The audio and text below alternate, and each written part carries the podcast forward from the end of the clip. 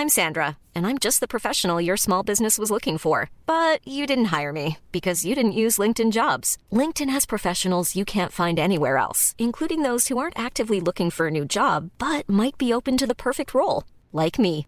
In a given month, over 70% of LinkedIn users don't visit other leading job sites. So if you're not looking on LinkedIn, you'll miss out on great candidates like Sandra. Start hiring professionals like a professional. Post your free job on linkedin.com/people today. Hei, mitt navn er Marius Lorentzen, og velkommen til denne helgeepisoden av Økonominyhetene, der vi presenterer et utvalgt intervju fra uken som har gått. Hverdagene kan jo være hektiske, og det er ikke lett å få med seg alt som skjer. Derfor eh, finner vi frem klipp som vi mener kan være interessant å høre, enten fordi de har lært oss noe, er underholdende eller fikk frem en nyhet. Og med det så setter vi i gang, vær så god.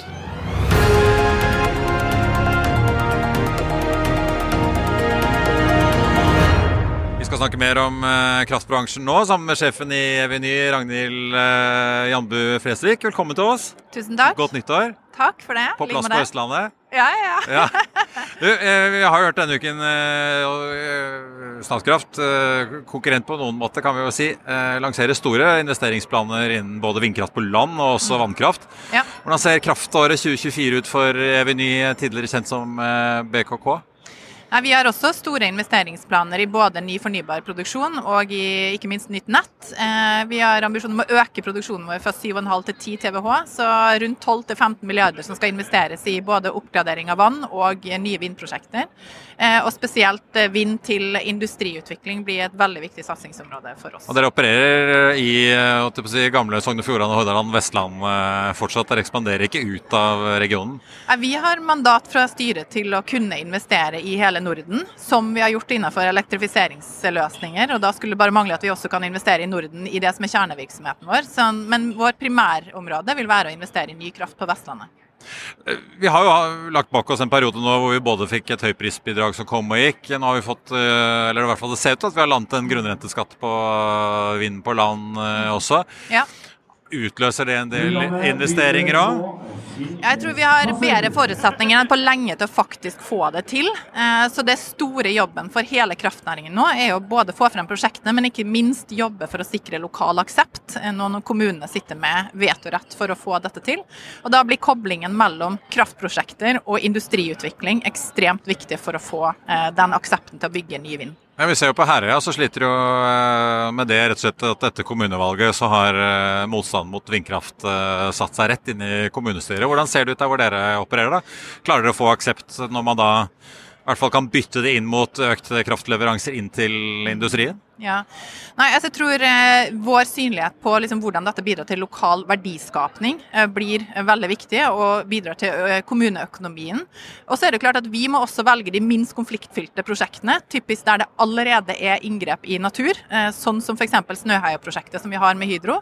Og så må vi ha en veldig tett dialog med kommunepolitikerne fra, fra, helt fra starten av. og Det er jo på en måte i vårt markedsområde, og vi er helt trygge på at det skal vi få til eh, fremover. Ja, Det er lettere å få til en eh, vindmølle rett utenfor Mongstad hvor det allerede er eh, oljeterminaler og kaianlegg og mye sånn? For eksempel. Ja. Men er det mye potensial der, da? Altså på den Altså- type industrianlegg rundt omkring? Det du trenger i Norge er på en måte større komprimerte områder med god vindressurs. Eh, og industrivind kan være et fint supplement, men det vil ikke gi oss nok skala, nok produksjon, eksempelvis på Mongstad. Sant? Eh, prosjektert med fem til seks vindmøller. Du trenger veldig mange av de eh, prosjektene for å få nok kraft inn i markedet. Så vi tror heller på liksom, større komprimerte områder med god vindressurs, der det allerede er anleggsveier og inngrep. Altså Norsk næringsliv og, og industri har jo lenge hatt gode konkurransevilkår takket være rimelig Mm. energi. Eh, havvind ser jo ikke ut til å bli noen sånn veldig billig energiform, i hvert fall med det første. Men det Mm. dere leverer nå, da, i de investeringene som dere gjør på kort sikt, hva slags kostnadsnivå snakker vi om der? Altså Klarer vi da å opprettholde lave energipriser i eh, det norske markedet med det? Ja, gitt at vi klarer å på en måte oppgradere vannkraft og få ny vindkraft inn i markedet, så klarer vi jo eh, å holde på en måte kraft, eller såkalt levetidskostnadene, eh, på et nivå som industrien også tåler. Skalaer.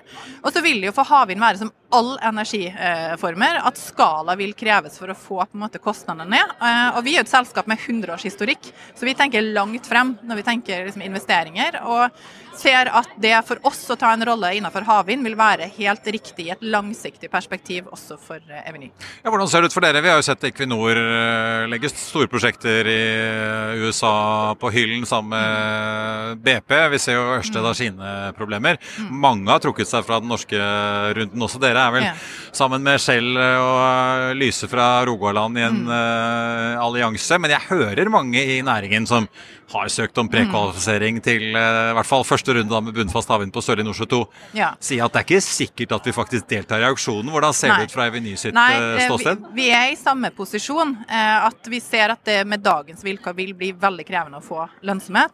Og så har vi snakket veldig mye fint om trepartssamarbeid og liksom samarbeid og tillit mellom myndighet og næringsliv i Norge. Og vi ser jo på en måte også at det er avgjørende i arbeidet med å få opp havvind i Norge. Derfor har ikke vi truffet, trukket oss. Derfor ser vi det også som vår oppgave å snu hver stein og fortsette dialogen med myndighetene på hva vi mener må til for å få denne industrien opp i Norge. Men Betyr det bare at skattebetalerne må ta en enda større del av regningen? Altså dekke kablingen ut til parken?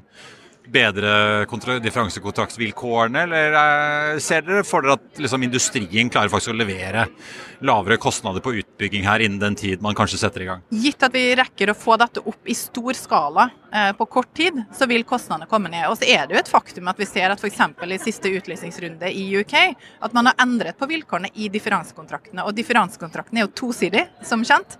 Så derfor så er det jo også en mulighet for myndighetene å ta proveniet inn dersom på en måte vi endrer på de. Så vi ser at vi er også nødt til å se til andre konkurrerende land for å ha konkurransedyktige vilkår i Norge for å bygge ut havvind. Ja. Så Terje Lien Aasland, energiministeren som han nå heter, han må komme med et eller annet, tror du, for at uh, ikke bare dere, men at hele klyngen av aktører her skal trykke på ja, den grønne knappen? Vi ser i hvert fall, som veldig mange andre, at med dagens vilkår så vil det være veldig krevende å få lønnsomhet som uh, vi må også forsvare overfor våre offentlige eiere. Vi må snakke litt om andre ting dere holder på med på tampen her eh, også.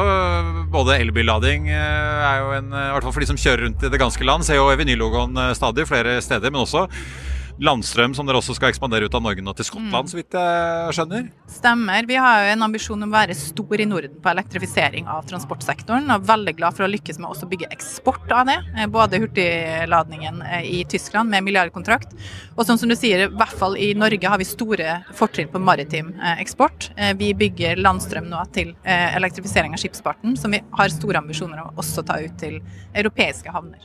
Men hva er det dere tror på sikt at dere klarer å får de gode marginene. Da. Jeg mm. tenker hurtiglading på bil.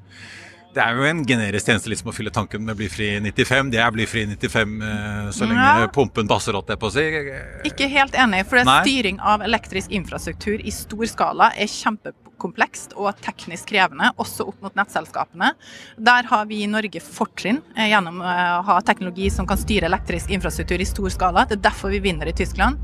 Eh, og vi har også bevist at vi klarer å få lønnsomhet i vår norske ladesatsing som et premiss for eksport, tilsvarende på lading i havn. Så vi tror liksom at det er mulig å hente lønnsomhet gjennom god teknologi og på en måte skalerbar drift av dette. Hvor stort kan eh, landstrøm til skip bli? da? Vi har jo sett norsk næringsliv på maritimt utstyr generelt, om du ser på Kongsberg Maritim eller andre, mm. slå bra fra seg internasjonal konkurranse. Mm.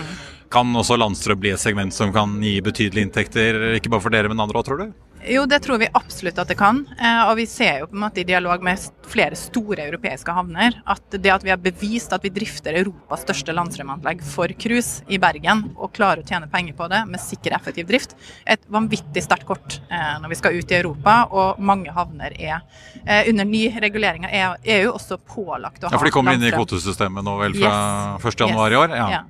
Så da får du en ekstra dytt. Så reguleringene er en god hjelp og en god drivkraft for også norske eh, teknologiforsprang å skalere raskt ute i Europa. Ja, men det er første gang omgang i Europa siden det ikke er noe kvotesystem i mm. Asia og USA på ikke samme sant? måten. Da. Det er Europa som er fokuset vårt for, eh, for Plugg, da, som landstrømsselskapet heter. Ragnhild eh, Janbu Fresvik, konsernsjef i Eveny, tusen takk for at du var med oss, og god årskonferanse. Takk. It's that time of the year. Your vacation is coming up. You can already hear the beach waves, feel the warm breeze relax, and think about work. You really, really want it all to work out while you're away. Monday.com gives you and the team that peace of mind. When all work is on one platform and everyone's in sync, things just flow wherever you are. Tap the banner to go to Monday.com.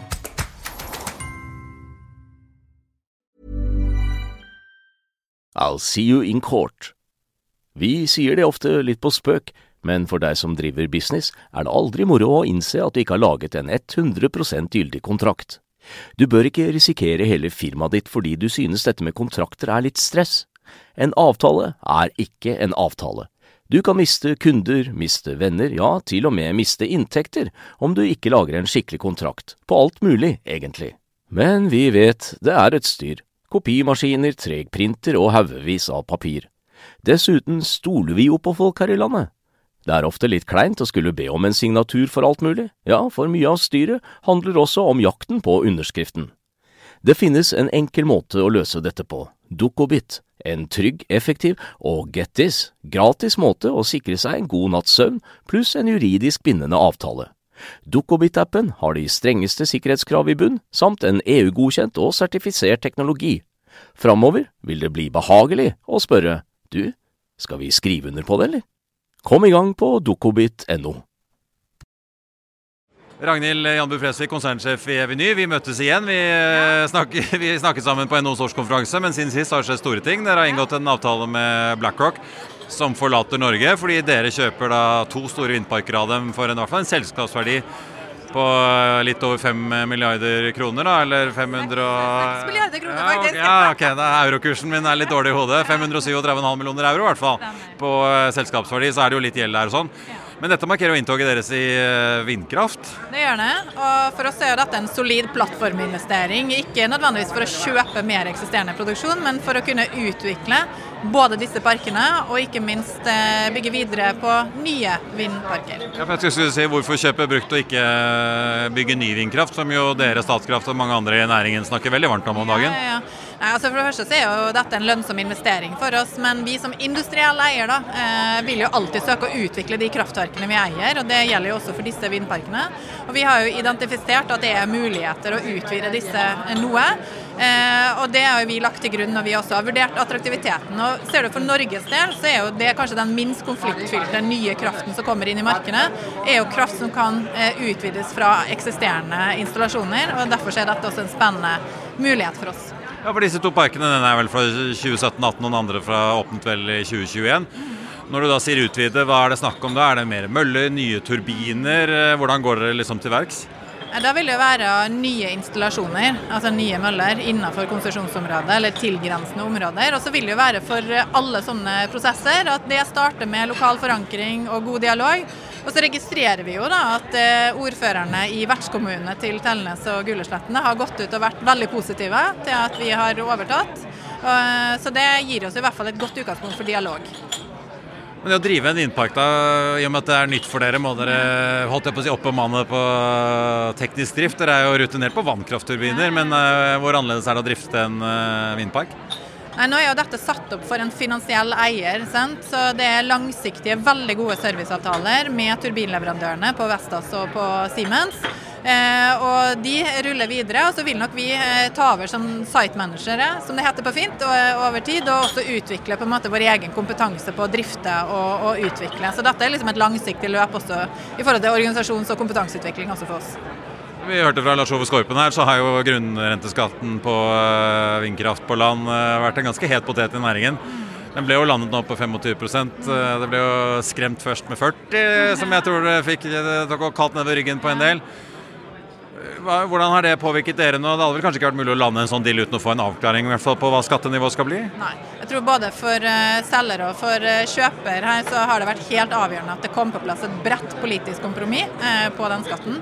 Og så er det jo et faktum at den har vært verdsatt i denne transaksjonen, og vi har regnet både begge parter og kommet til ca. samme verdi. Så det var avgjørende at den ble landet for, for å kunne gjennomføre den transaksjonen. Til slutt vil jeg bare høre med deg, for Det er jo en del som snakker om nettopp politisk risiko i Norge når vi har sett både lakseskatt, kraftskatt, høyprisbidrag komme og gå. Justeringer i oljeskatten har vi jo til og med sett. Nå er jo BlackRock da tydeligvis ut av Norge, i hvert fall inntil eh, videre.